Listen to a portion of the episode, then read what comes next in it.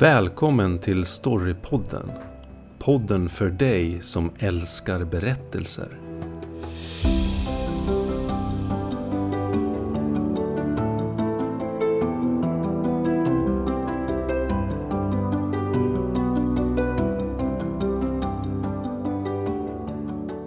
Idag ska vi prata om tema i film och litteratur.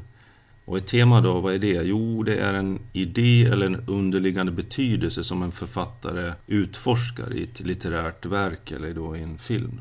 Och eh, tema kan man uttrycka genom karaktärer, i dialog, med plotten, eh, berättelsens värld eller en kombination av allt det här. Och vanliga teman då, det, det är ju gott mot ont, kärlek, hämnd, gottgörelse kanske. Frihet kan det vara, vänskap. Det finns många olika varianter i alla fall då, som vi ska undersöka genom ett antal verk. Ja, vi har valt två eh, verk var här som vi ska gå in på lite extra då. Ja, eh, då ska jag börja och prata om Forrest Gump. Och eh, Forrest Gump är från början en roman av författaren Winston Groom som kom 1986, amerikansk sådan. Och som senare eh, gjordes till en film, en adaption 1994. Utifrån då ett manus av Eric Roth och med regi av eh, Robert Zemeckis. Och det är ju en riktigt sån här stor film som vann flera Oscar, som ni säkert känner till. Bästa film, bästa regi, bästa manliga huvudroll. Det är ju Tom Hanks då som spelar Forrest Gump. Men det finns också många andra eh, berömda skådespelare som Sally Field och, och Gary Sinise då. Och eh, romanen är ju då eh, tämligen lik eh, filmen men filmen tar sig ändå en del eh, ytterligare eh, friheter då och ändrar eh, en del då utifrån originalberättelsen. Men eh, det är en stark skildring då som utforskar eh, temat kring eh, lite livets mening. Eh, hur eh, fortgår ett liv? Vad är det som präglar eh, oss människor? Hur vi lever våra liv? Hur, hur förs vi fram genom liksom vår egen historia? Eh, spelar ödet in? Är det fri vilja? Är det slumpen? Är det arv och miljö? Det är liksom de huvudsakliga eh, frågorna som liksom diskuteras då i den här berättelsen. Och den centrala huvudkaraktären då är ju då Forrest Gump och eh, en pojke då som växer upp i eh, Alabama i södra delarna av USA under 50-talet. Och eh, han lever med sin eh, mamma eh, och de eh, driver någon form av eh, hotellverksamhet. Då. Och eh, man får då reda på eh, inledningsvis att eh, Forrest då har en eh, IQ och ett förstånd då som anses vara lägre än det normala. Då.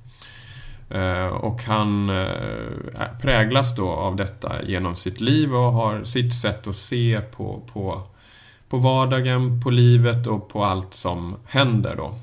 Men han tas vidare då genom en otrolig levnadsbana genom liksom USAs eh, historia och får då möta många olika händelser som präglar USA från 50-talet fram till 80-talet.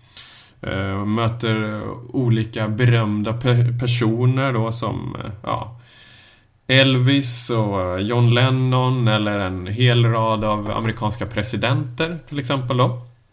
Och sen får han då möta olika slags då karaktärer som man kan säga har sin syn eller som symboliserar olika delar av det här hur livet levs då. Ja. Och han försöker då hela tiden fundera själv över vad är det som gör att han lever på det här sättet? Vad är det som, som artar eh, sig för honom då? Och eh, vi har hans eh, mamma eh, som står då för, för en speciell syn kring detta då. Och hon, som ni kanske känner till, pratar om det här med att life is a, like a box of chocolate, eh, uh, Forrest. You never know what you're gonna get. Liksom. Ja. Man vet aldrig riktigt vad som händer. Eh, uh, chokladasken eh, är fylld av praliner och man vet inte riktigt vad som kommer hända. Och hon försöker hela tiden hjälpa sin, sin son då och, och stötta honom då. När han börjar gå i skolan, kommer till college och så vidare då. Eh, tidigt i skolåldern då, eh, där han då får möta ja, diskriminering och mobbing på grund av sitt, eh, eh, ja, någon form av förståndshandikapp då, så får han också en väldigt nära vän då, och det är Jenny. Och Jenny är väl väldigt präglad då liksom av väldigt mycket av det här då eh, om vilken miljö man är uppväxt i. Eh, hon är uppväxt med sin pappa eh, med fysisk och psykisk misshandel, med fattigdom och misär som hela tiden präglar henne. Och vad man skulle kunna säga en syn på livet då som kanske är ganska sådär pessimistiskt. Hon är hela tiden präglad av barndomen och det här med kärleken då, att hon kanske då helt enkelt inte har fått den kärlek som ett barn borde ha då. Och det har gjort henne till möjligen då en ganska vilsen själ då, som genom livet och berättelsen försöker hitta olika slags eh, meningar eh, i, sitt liv. Antingen om det är mm, hippierörelsen eller Vietnamprotester ehm, eller festligheter eller vad det nu är då. Ehm, så Forrest får då eh, genom sin eh, relation till henne möta den bilden också. Eh, efter college så eh, blir han draftad till eh, militärtjänsten då för att åka till eh, Vietnamkriget. Och där träffar han Babba. Och Babba kommer också från, från södern och är väldigt präglad av det här med traditioner och arv. Hans eh, familj har i generationer varit in the shrimping business, då, i räkindustrin. Och de har också då varit eh, allt från slavar till tjänstefolk till eh, höga herrar liksom, i, i den, eh, på de amerikanska eh, plantagegodsen. Då. Men han är helt inne på att han ska fortsätta det här liksom, arvet och tankarna kring, kring räkindustrin och allt vad man, man kan göra kring den. Då. Eh, när de kommer till Vietnam så möter de sin kapten och eh, ledare, eh, Lieutenant Dan Taylor. Och eh, han drar med dem ut i krig och försöker liksom visa vägen när de möter eh, fienden. Och han är också då pra väldigt präglad av det här med liksom eh, arvet och vad hans förfäder har gjort också. För eh, hans tidigare förfäder då har krigat i alla tidigare amerikanska krig. Då. Allt från självständighetskriget, eh, det amerikanska inbördeskriget, första världskriget och det andra världskriget. Och alla har dött i tjänst då. Och eh, hans tanke förstår man eftersom är ju i stort sett att han då ska möta samma öde. Eh, det är liksom på något sätt förutbestämt. Liksom. Ja. Eh, det är det han i stort sett har tänkt sig när granaterna och så börjar regna regnar runt omkring honom. Och Forrest själv präglas ju av, av de här och studsar mot de här andra kombatanterna men själv då så löper en symbolism kring honom genom bok och film. Framförallt i filmen och det är ju den här fjädern som ni kanske kommer ihåg som flyger omkring när han i då ramberättelsen där han sitter eh, och väntar på en bänk i Savannah på att bussen ska komma då han berättar i tillbakablickar sitt liv att en fjäder flyger iväg och tas av vinden och, och på samma sätt då har, har eh, han eh, tagits eh, genom livet och, och historien. Då. Och eh, ja, berättelsen fortgår genom den amerikanska historien och kärleken till Jenny och kärleken till sina vänner och vissa av dem då eh, försvinner ju eh, efter ett tag och, och eh, Ehm, I slutändan så, så ligger hela tiden det här temat där och han frågar själv då, jag vet inte hur vad det är egentligen som är som styr livet. Är, är det liksom ehm, ödet? Är det viljan? Är det, är det slumpen? Ja, men man måste hitta sin egen väg på något sätt ehm, i, i detta eh, stora. Och eh, ja, en, en, självklart en stark eh, berättelse, otroligt eh, stark. Men också ganska då eh, tydlig och effektiv i då skildrandet av, av det här då eh, underliggande temat. Mm, det är en stor berättelse ändå och ett intressant levnadsöde. Det är intressant när han sitter i den här ramberättelsen, sitter och berättar. Då har jag för mig att det är, det är för olika personer hela tiden också. Så att det blir någon slags fragmentarisk eh, det finns någonting som är intressant där tycker jag. Att det vi berättar och det vi lär oss, det vi lär känna av andra människor är fragment på något sätt. Och det är väl lite postmodernistisk syn på det hela, att vi, vi lär oss inte hela bilden, vi, lär, vi ser bara fragment av människor. Och det tycker jag är intressant med, med just den biten. Ja, men jag håller med. Ehm, han har ju med sig också någonting som är ganska intressant där när han sitter på bänken och väntar på bussen. Han har ju med sig sin väska med olika prylar. Mm. Och där ser vi också det här med hur, hur föremål, fragmentariska föremål har betydelse för en person och eh, för olika minnen och olika upplevelser i, livet som har präglat den. Det är hans tennisrack när han var med och, och blev nej, pingisrack när han var med och blev amerikansk mästare i bordtennis och det här med mm. pingpongdiplomatin till Kina. Det är hans nötta joggingskor han var med och drog mm. igång liksom hela mm. joggingrörelsen. Det är hans eh, Nicke Nyfiken-bok som han läste med sin mamma, som han hade med sig till skolan.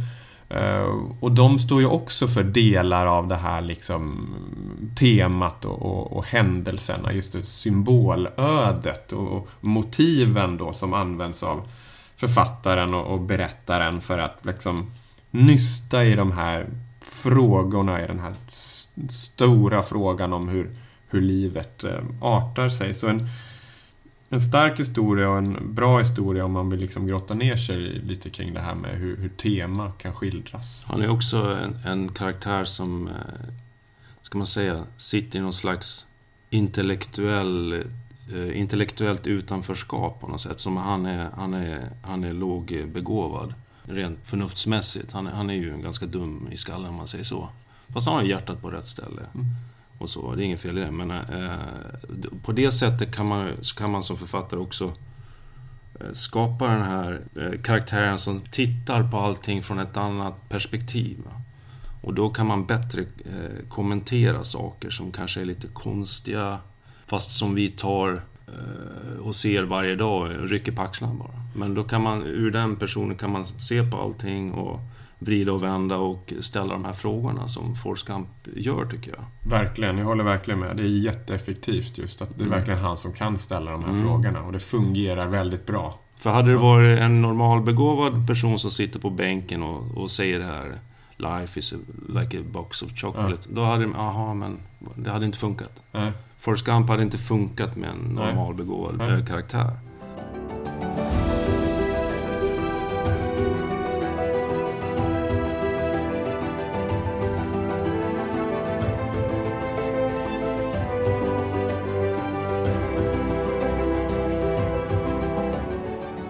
På sätt och vis det, tangerar lite också den eh, roman som jag har valt. I och med att Forrest Gump, han sveps med genom historien i olika händelser. Det hände honom väldigt mycket. Och det eh, är lite, lite likt den eh, roman som jag har valt. Som är The Dice Man, eller Tärningsspelaren på svenska. Den skrevs av eh, pseudonymen eh, Luke Reinhardt. Eller George Powers Cockcroft som han hette. Den skrevs 1971 och kom till Sverige 73. Det här är en riktig kultklassiker som, eh, ja vad ska man säga, det handlar om en eh, välbärgad psykiatriker som har en egen eh, klinik på Manhattan. Han har hustru och två barn. Allt verkar ju liksom jättebra i hans liv. Förutom att han, han lider av total leda han super på ganska duktigt och liksom är mentalt är han lite på en brytningspunkt där. Och så en dag beslutar han att eh, alla beslut som han ska ta ska ske genom att han kastar en tärning. Och det gör han också för att eh, testa en ny teori då rent eh, eh terapeutiskt. Så. Det första kastet han tar så, så som nummer ett så, så, så väljer han liksom att han ska gå ner och våldta grannfrun Arlene. Oj. Och det blir en etta. Så går han ner till henne, knackar på och liksom tränger sig in och våldtar henne. Men det visar sig att hon är med på noterna där. Så att det är inte riktigt våldtäkt ändå. Då. Men det hela blir mer och mer absurt. Så. Han, han, han ger över mer och mer av sin vilja till tärningen. Och det hela eskalerar. Och det handlar mycket om att ge upp sin egen vilja på något sätt. Och liksom Eh, att nedmontera sitt ego på något sätt. Att vi går in i världen och har massa föreställningar och det här kan man göra, det här kan man inte göra. Så att rent moraliskt är det ju en kapitulation inför tärningskastet. Liksom. Och ju längre man kommer i berättelsen så, så är det tydligt också att eh, han riskerar väldigt mycket när han kastar tärningen. Eh, han väljer sex val då, en sexkantig eh, tärning. Att mycket av det eh, riskerar mycket för honom. Så han förlorar också väldigt mycket. Men han har några, några val där han vinner och några val där han förlorar väldigt mycket. Så mycket, mycket går åt helvete liksom för honom. Och han, han eh, hamnar i kriminalitet. Eh, det är allt möjligt i den här galna romanen alltså. Den nedmonterar kulturella normer, den tar upp sexuella tabun och eh, liksom allt egentligen som har med civilisationen att göra. Den är innerst inne väldigt anarkistisk den här romanen tycker jag. Och den ifrågasätter vad, vad fan det är vi håller på med. Ekorrhjulet. Varför går vi måndag till fredag och jobbar för? Den ifrågasätter allt som anses normalt, om man nu kan kalla något normalt.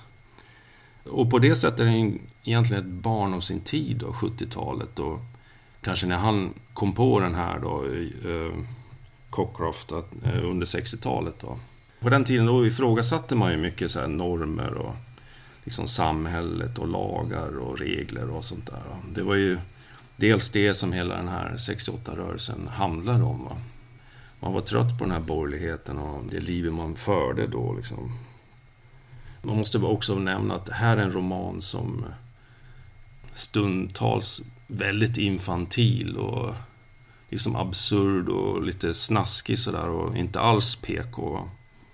Eh, det är mycket sexskildringar och det var väl det som kanske sålde lite då på den, på den tiden. Då. Men, men då tänker jag så här också med den här romanen att det kanske är just det det handlar om. Va? Att nöta ner de här föreställningar vi har om vad som är rätt och riktigt också. Va? Och att liksom börja ifrågasätta sin egen programmering som vi får genom livet. Vi blir programmerade från dag ett tills vi, vi liksom ligger i, i, i kistan. Va? Det är ju uppväxt, eh, uppfostran och framförallt i skolan, herregud, det är från dag ett där. Sitt, eh, sitt rakt, skriv det här, läs det där, tänk så här och allt möjligt. Va? Och sen när vi utbildar oss vidare och sen när vi kommer in i arbetslivet. Det är ju bara en programmering på ett sätt. Normer, moral, etik, eh, hur man ska göra, hur man ska bete sig, vad man ska säga. Eh, så det är ju, det är ju romanen ifrågasätter det här taket som vi har över våra axlar och huvuden. Va? Och liksom försöker spränga bort det. Att på sätt och vis frigöra sig från allt sitt bagage. Då. Och på det sättet är det ju också tidstypiskt eh, slutet av 60 och början av 70-talet. Där var man ju mycket inne på buddhistiska tankar, så att man skulle förstöra sitt ego. Och det tycker jag nog att eh, den här romanen handlar om väldigt mycket. Det finns många teman i den också. Det är, det är när vi pratar om teman så säger man ju oftast att ah, en roman eller en film har ett tema. Men det är ju inte riktigt så, eller hur Olof? Det, det finns ju fler, eller hur? Många, ofta. Ja, många ofta. Kanske en, en stor fråga som ställs och sen så utforskar man olika aspekter av den där frågan.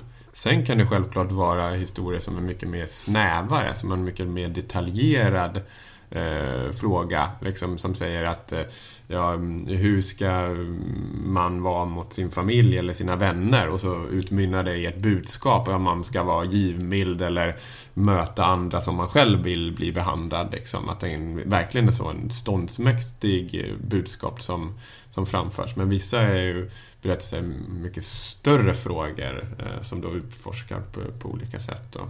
Och olika karaktärer kan ha olika teman också som, som, som är intressanta för dem. Då.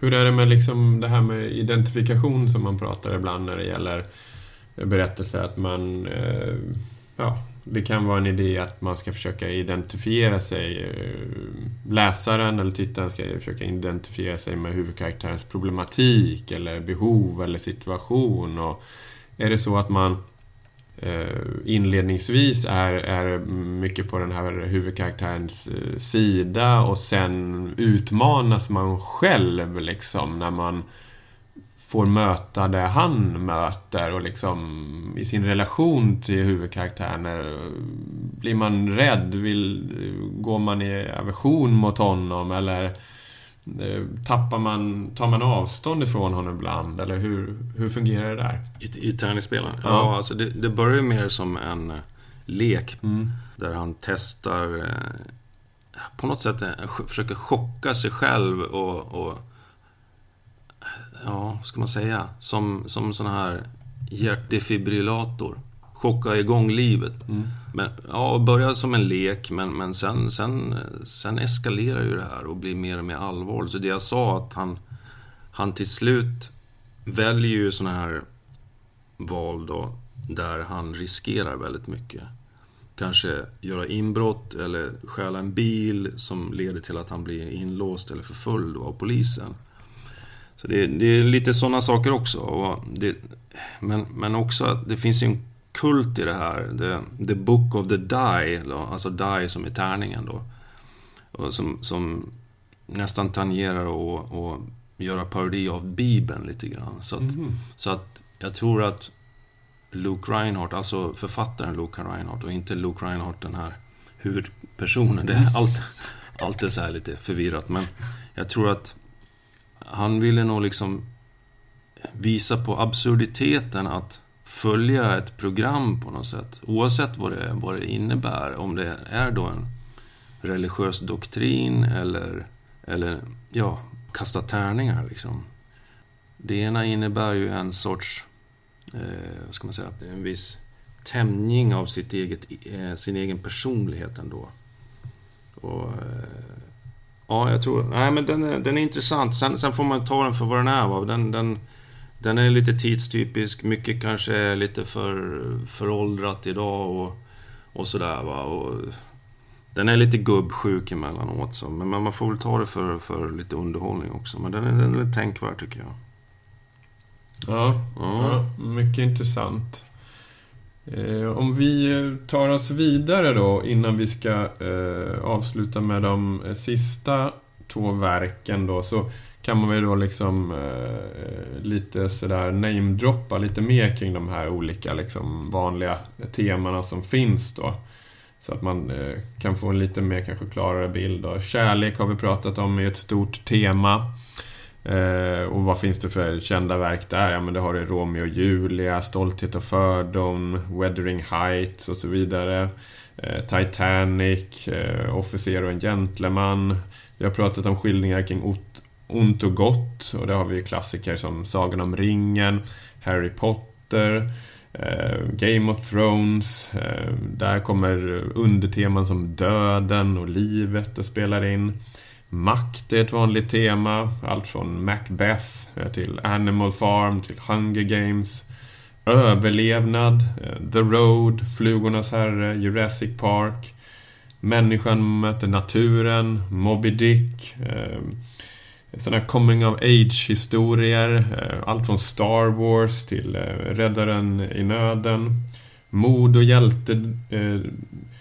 Eh, Robin Hood, Beowulf, Odysseen. Individen mot samhället också. 1984. Huckleberry Finn, ja, Moment 22 och så vidare.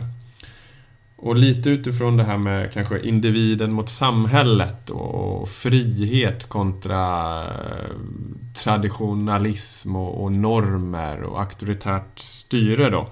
Har med nästa verk då som jag eh, tänkte ta upp då. Det är en eh, film från början. Sen gjorde man också liksom en romanversion av den här filmen då. Och det är Döda Poeters Sällskap, eh, Dead Poets eh, Society, eh, som kom 1989. En amerikansk film och eh, manus av Tom Schulman och regi av Peter Weir. Eh, och eh, en av de bärande rollerna är då Robin Williams som spelar en lärare, eh, John Keating, som är engelsklärare vid en eh, internatskola. Eh, prestigefylld sådan, med traditioner, med regler, med disciplin, med normer och anor. Och han blir lärare då för en grupp elever. Och eh, genom berättelsen då så får man följa de här eh, eleverna i den här eh, engelska klassen. De här unga männen, pojkarna och hur då John Keating applicerar ett eh, nytt form av eh, ja, tänkande och undervisning eh, för dem som eh, ja, förändrar dem helt enkelt då. Och eh, det är mycket litteratur och det är mycket eh, att läsa tidigare verk. Men också då att genom konsten, litteraturen, berättelserna eh, upptäcka livet eh, på ett friare sätt. Att få en friare själ, ett friare intellekt, ett friare intellekt helt enkelt och att kasta sig ut där. Som då utmynnar också i eh, filmens eh, tagline som många av er eh, känner till och som blev ännu mer odödlig jord eh, efter denna film. Det är ju då självklart eh, Carpe Diem, eh, Seize the Day Boys, Make Your Life Extraordinary, att fånga dagen då. Som eh, John Keating då verkligen vill att de här um, pojkarna ska, ska göras då. Um, och eh, efter ett tag så börjar då de andra traditionalisterna, rektorerna och eh, ehm, de andra lärarna då att undra vad det är som försiggår i det här klassrummet då. Också föräldrar till flera av pojkarna. Eh, för han ifrågasätter helt liksom betygskurvor och eh, hur man klassificerar och kategoriserar vad som är bra litteratur. Utan eh, eh, John Keating vill att litteraturen och berättelserna ska kännas här inne, i bröstet, in the gut, liksom. Och försöker liksom skicka iväg sina elever på, på ett äventyr ut då. Och eh, inspirerad av honom då så eh, börjar de med någonting som han själv höll på med. Ett slags hemligt litterärt sällskap som träffas då om, om nätterna ute i skogen i en grotta. Alltså The Dead Poets Society, de döda poeternas sällskap. Där eh, en grupp av de här eleverna då eh, läser litteratur eh, för, för varandra, helt enkelt då och inspireras av, av detta. Eh, höguppläsning då. Och de eh, blir förändrade helt i, i, i, i, sina liv och i sina själar och i sin, sin frihet då. Och men sakta men säkert då kommer ju då konflikterna från traditionalisterna och disciplinen och hur det har varit tidigare och hur, hur man bör leva. Ja, man ska inte stå upp mot systemet och sticka iväg ifrån det. Utan hålla sig inom ramarna och tänk på eh, John Keating om du släpper lös de här själarna helt och hållet. Vad, vad kan hända då? Liksom, säger latinläraren då.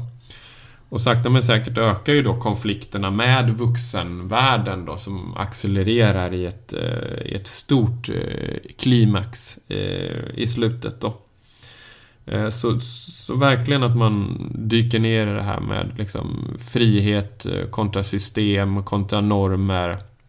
Och också då eh, litteraturens och, och konstens kraft som en förlösande faktor då. För att de här unga människorna ska bli där de har möjlighet att bli. Att fånga dagen, att fånga livet. Ja, har du några tankar där? Det är väldigt viktigt varifrån de här personerna kommer. Va? För jag tror inte man kunde ha satt...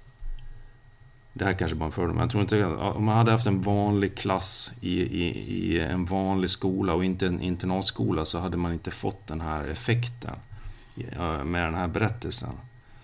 Och här har man den här förutfattade meningen att de här killarna kommer från liksom, rika familjer och Eh, på grund av det så är de väldigt hårt hållna och, och har med sig i sitt bagage att ni ska minsann lyckas i livet och ni ska inte hålla på med någon jävla kultur och hålla på och liksom skriva poesi eller läsa poesi. Vad ger det? Det är, det är ingen pengar i det va. Och då, då är ju den här sortens tänkande ett hot. Jag vet inte, men den är, det, är en, det är en viktig film på något sätt. Och det handlar ju om att slå ner de här väggarna liksom, och höja taket. Och, Mm. Det, jo, Lär, det, tänka själv alltså. Ja, det är väl det. Och, i, och framförallt det akad, liksom akademiska världen egentligen, i alla fall humanioran syftar till, det är ju att ifrågasätta. Va? Och liksom kritisera saker och ting.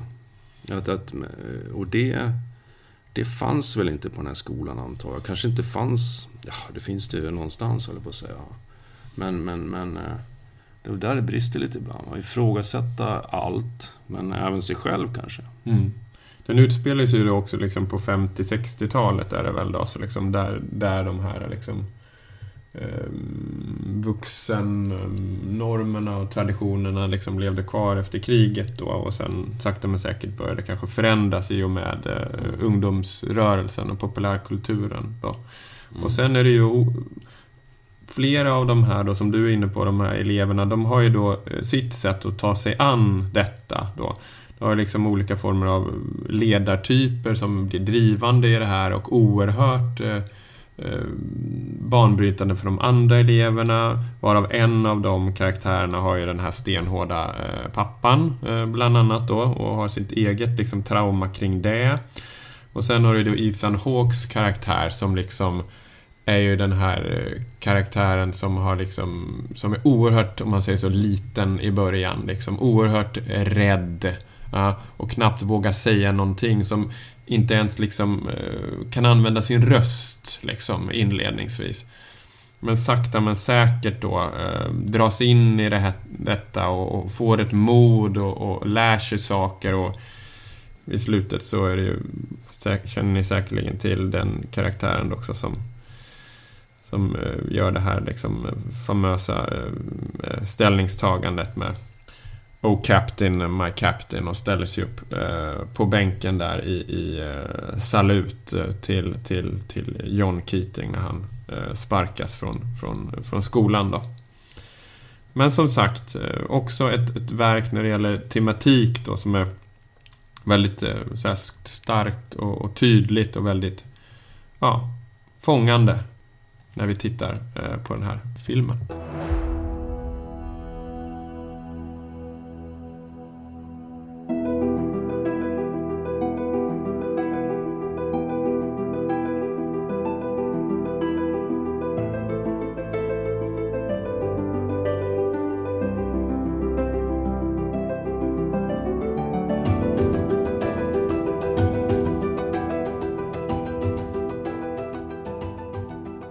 Okej, okay, vi går vidare. Jag har valt en film som heter Den vita tigern eller The White Tiger från 2021. Eh, det är efter en roman av Aravind Adiga. Men själva filmen skrevs och regisserades av Ramin Barani. Det handlar då om Balram, en fattig eh, bondpojke då från eh, Indien. Hans resa genom livet till att bli en framgångsrik entreprenör då, i moderna Indien. Han använder sin, sin intelligens och sin fräckhet kan man säga och tar sig fram genom världen. Och blir, ser till att bli chaufför till ett rikt indiskt ungt par som nyligen kommer tillbaka från Amerika. Då. Och där är bland annat Priyanka Chopra Jonas som spelar kvinnan och Rai Kumar Rao spelar då den här unge karln då. Son till den här rike, rike mannen då. Eh, och Balram, eh, han ser till att göra sig liksom outbytbar till de här, sina nya mästare, vad ska man säga, herrefolk då. Och man, man, får se de här olika världarna. Han kommer från den här fattiga, riktigt fattiga liksom, byn ute i ingenstans i Indien. Och de här rika människorna lever i ja, totalt överflöd med liksom x antal tjänar och allt sånt där. Och hur han försöker att få Balram då, försöker få liksom in en fot i den här världen då. Eh, men så efter eh, en natt när han eh, kör det här paret så frågar den här kvinnan om hon kan få köra. Och han bara, nej, nej, nej, men jag kan, jag kan köra, jag kör, jag kör. Men eftersom de är hans herrefolk så kör de, fast de är lite liksom, påverkade. Och hon kör på en litet barn. Och skyller på Balram att det var han som körde. Så att de försöker liksom rädda sig själva då. Men då Balram, eh, smart som han är eh, och samtidigt som han liksom är nära att förlora allting och åka in i finkan på, på livstid. Så, eh, ska man säga, han, han, han tar sig igenom det här liksom och, och liksom stiger upp i samhället då, och blir en ny sorts liksom, herreman då. Men det, det finns mycket med den här berättelsen. Den drabbar mig väldigt mycket. Och, och eh, dels för att jag gillar att se filmer som handlar om Indien då. Eh, och, och det samhället. Men eh, det finns en sak som den här kvinnan, unga kvinnan i det här rika paret säger. Det är att du kan bli vad du än vill i världen, i livet. Och det är ju inte sant. Man matar ju liksom barn i skolan här också i Sverige. Att du kan bli vad du vill, bara du anstränger dig. Men det är ju inte riktigt sant då. Och jag önskar att de hade slutat med det där. Faktiskt. Men, men, och här blir det så tydligt. Balram gör en sak som är väldigt liksom, mörk i, i berättelsen. Det är att han offrar sin familj. Det är priset för att han ska ta sig fram i livet. Det är att han offrar sin egen familj. Oj. Mm. Och det, det är ju... Hade han inte gjort det så hade han inte kommit upp sig. Va? Det säger, att, en, det säger en del också. Mm. Så att det här att man kan bli vad man vill i livet. Det, om det ens är möjligt så kommer det med en hel del liksom, eh, vad ska man säga, eftergifter eller att man får offra en hel del. Va? Jag kan tänka mig att det är extra tydligt och starkt just när det gäller Indien då, som traditionellt är det här mm. oerhörda eh, klassamhället mm. med olika kaster då. Att det, Eh, den miljön runt omkring då eh, också betyder väldigt mycket för, för just temat i berättelsen och så. Mm. Så det handlar ju om att ta sig upp i, i livet så. Och bli den här framgångsrika människan på något sätt. Men samtidigt blottar den också liksom den här mörka sidan för, för liksom... Man förstår att Balram, visst, han vill ju upp alltså. Han vill, han vill ju bli en av de här fina människorna och har fina bilar och kanske tjänstefolk och så. Men det blottar också vad han är tvungen att göra för att stiga i graderna, så att säga. Och det är väldigt fascinerande. Och jag har tänkt mycket på den här filmen, liksom just utifrån det här, du kan bli vad du vill i livet. Och det, ja... Om du skulle då jämföra med vårt, vårt första verk vi diskuterade, Forrest Gump då, som kanske lite liknande just med den här eh, lite längre banan i ett liv och, sådär. Hur, eh, hur skiljer de sig i ton? Med Forrest Gump är ju tämligen liksom ändå Ändå fast det inrymmer tragik, tragik i den så är det ju ändå liksom en slags optimistisk och, och fin mm. och god ton. Hur, mm. hur ser det ut i, i Vita Tigern? De liknar ju varandra eftersom de har eh, en protagonist som berättar storyn. Mm. Och Balduran berättar ju sin story också. Och... Eh, Men är den mörkare? Utifrån... Är den mycket mörkare liksom? I... Ja, den är mörkare. Ja. Men det är så i indiska filmer, det är mycket liv i dem och det är mycket färger och, liksom, ja. mm. och sådär. Och det är mycket liksom folk och Sådär. Men eh, jag tyckte den var väldigt bra. Men, eh, ja, som svar på din fråga. Ja, bra, bra, bra fråga. Ja, jag vet inte riktigt vad jag ska säga där. Ja, men för att den, den handlar väl då ännu lite mer om, om all, allvarliga saker då. Just, att, just det här att man ska... Eh, hur långt man kan komma eller om man kan nå ända Mm. upp där då, vad fan det nu är. Liksom, Forrest Gump eh, ehm, har ju inte riktigt samma eh, frågeställning utan där är mer att liksom, hur kan livet bli? Liksom. Men Ja, här, här precis. i Vita Tigern så handlar det liksom att man ska verkligen klättra. Hur ska man klättra bäst? Liksom. Ja, Ja, det är en och- kamp. Va, Jo, det här, liksom. Forrest Gump ja. är ju lite mer godtyckligt Ja. så. Och lite mer slumpmässigt kanske. Mm. Och här, här handlar det om att använda allt man har. Mm, Även sina släktingar. mm, För att kunna klättra. mm, Och man måste vara smart, man måste vara väldigt fräck liksom. mm. Sen hjälper det kanske om man är lite, lite kall också. Lite halvt sociopatisk. Mm. Och det är ju ett sociopatiskt drag att sälja ut till sin familj.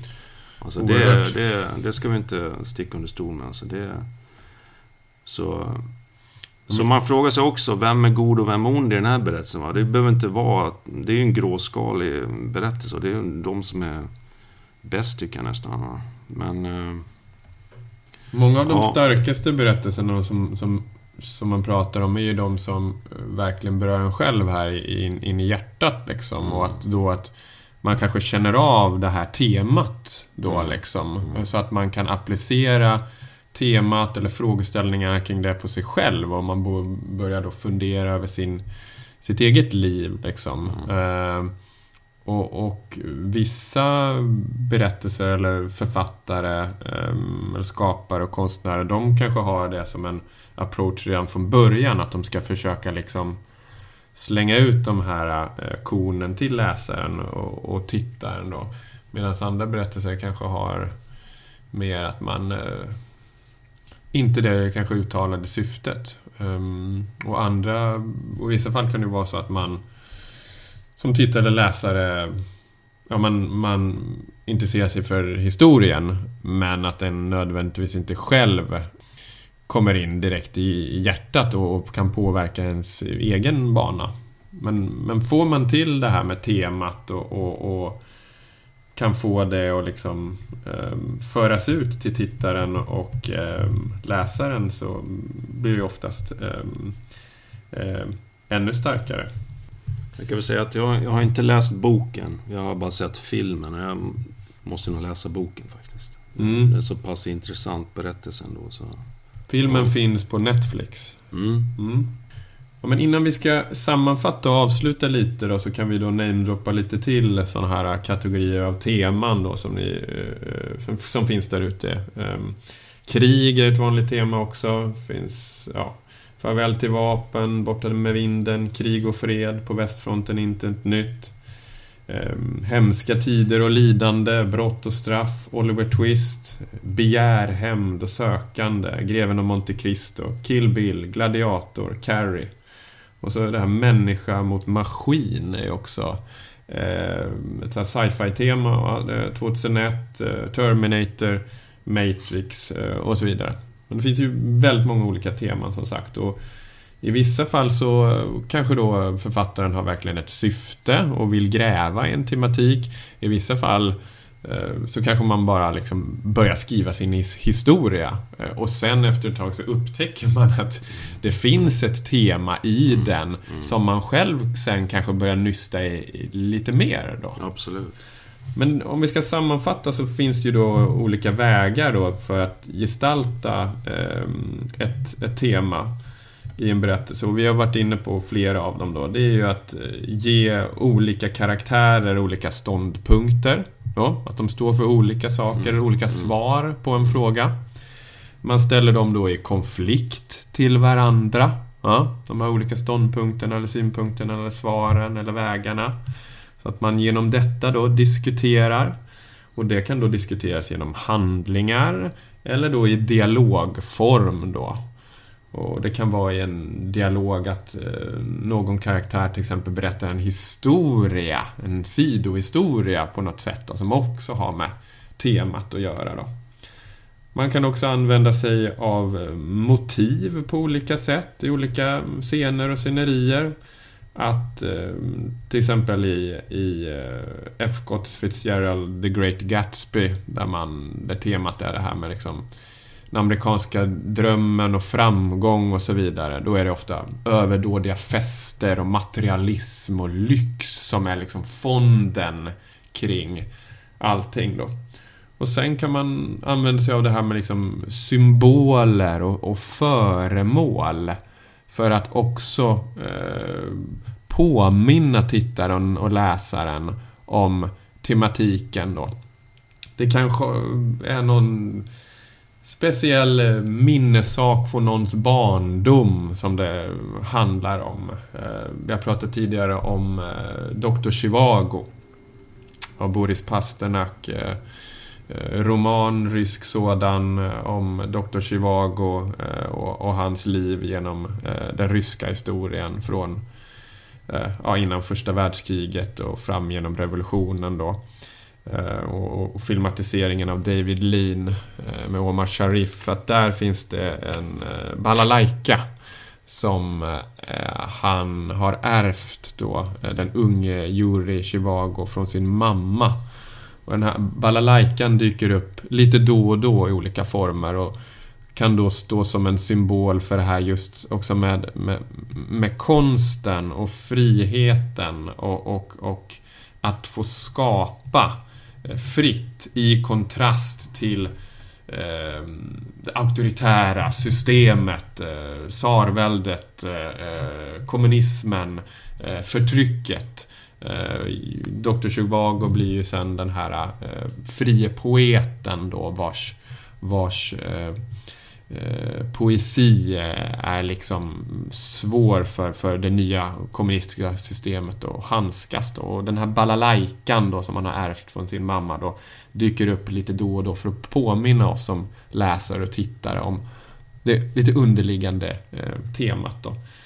Så det kan också vara ett sätt då, som, som eh, man som författare eller skapare eh, då, eh, kan använda för att nysta i det här temat. Då. Sen tror jag när man, när man skriver så ska man kanske eh, kanske inte tänka så mycket på tema. Utan temat är någonting man kan eh, mejsla fram när man skriver om va? och mm. redigerar. Ja. Jag tror att det är, det är nog bättre när man väl sk först skriver att bara, bara köra storyn. Och sen märker man när man skriver storyn, jaha men det här är ju, det är ju en berättelse om familj och mm. hålla ihop familjen. Eller det här är en berättelse om svek eller eller hämnd eller vad det nu kan vara. Va? Så, att, så jag tror också att visst, det här med tema, man, man ser mycket på ja, men alla de här eh, skrivcoacherna och på YouTube och ja, tema. Det är lite, man upp, höjer upp det. Det är något väldigt fint. Du ska ha ett bra tema och det ska vara tydligt i, i en, en, berättelse. Va? Men, men samtidigt, en bra berättelse har sitt eget liv på något sätt. Och sen visst, en tema kan höja det, men det är också så, tycker jag, att eh, temat är lite utifrån läsaren eller tittaren. Man kan läsa in olika saker. Naturligtvis finns det ett, ett huvudtema, men, men de här subteman, eller vad man ska kalla det, som vi snackade om, kanske att olika karaktärer har olika teman eller behandlar olika saker i, i sitt liv i, inom den här berättelsen de, de kanske man... Olika personer kanske ser olika saker. Så... Och det är det fantastiska med konsten och berättelserna. Det, mm. det finns inte bara ett tema. Det finns mm. förmodligen bara ett huvudtema, men sen finns det många små, små teman i det. Och, och ett varningens finger ytterligare där, att om man håller på att konstruera för mycket kring det här med tema, mm. så kan de här figurerna och karaktärerna eller scenerna man skapar bli otroliga pappersfigurer ja, det... och, och stolpiga och liksom inte alls levande. Så, så det är någonting som man ska det, verkligen beakta. Det är ja. lite det jag menar ja. när man, man skriver första vänner kanske man bara ska köra storyn. Sen, sen är alla författare olika. Vissa kanske får sin story genom att tänka på tema. Så att det, är, det är olika. Man kan, det, fin, det är det som är bra. Det finns ju inga regler egentligen hur man, hur man skriver. Va?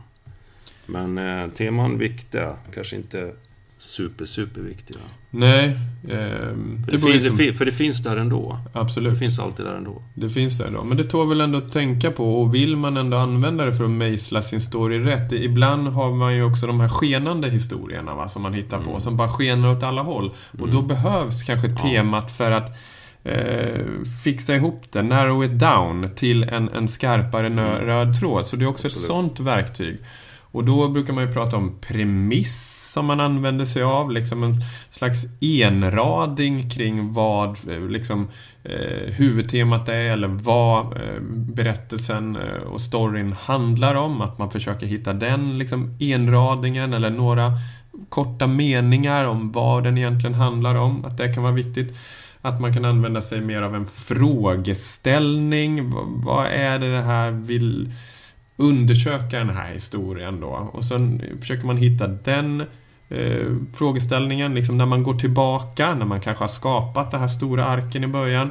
Och sen försöker man då nysta och fixa till det eftersom. Så, så temat eh, är ett verktyg, kan både skälpa och, och hjälpa och, och det kan vara svårt att få till det alltid men, men eh, det kan vara värt att, att, att tänka på.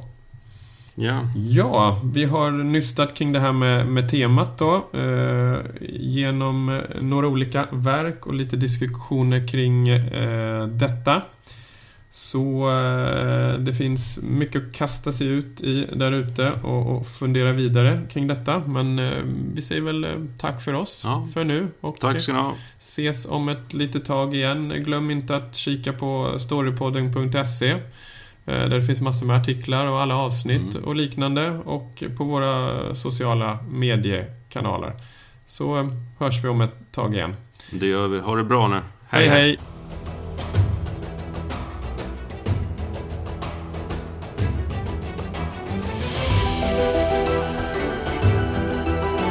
Du har lyssnat på Storypodden med Rickard Eklund och Olof Tiderman. Fler avsnitt, mer info och tips hittar du på www.storypodden.se. Vi finns även på sociala medier i form av Facebook, Twitter och Instagram.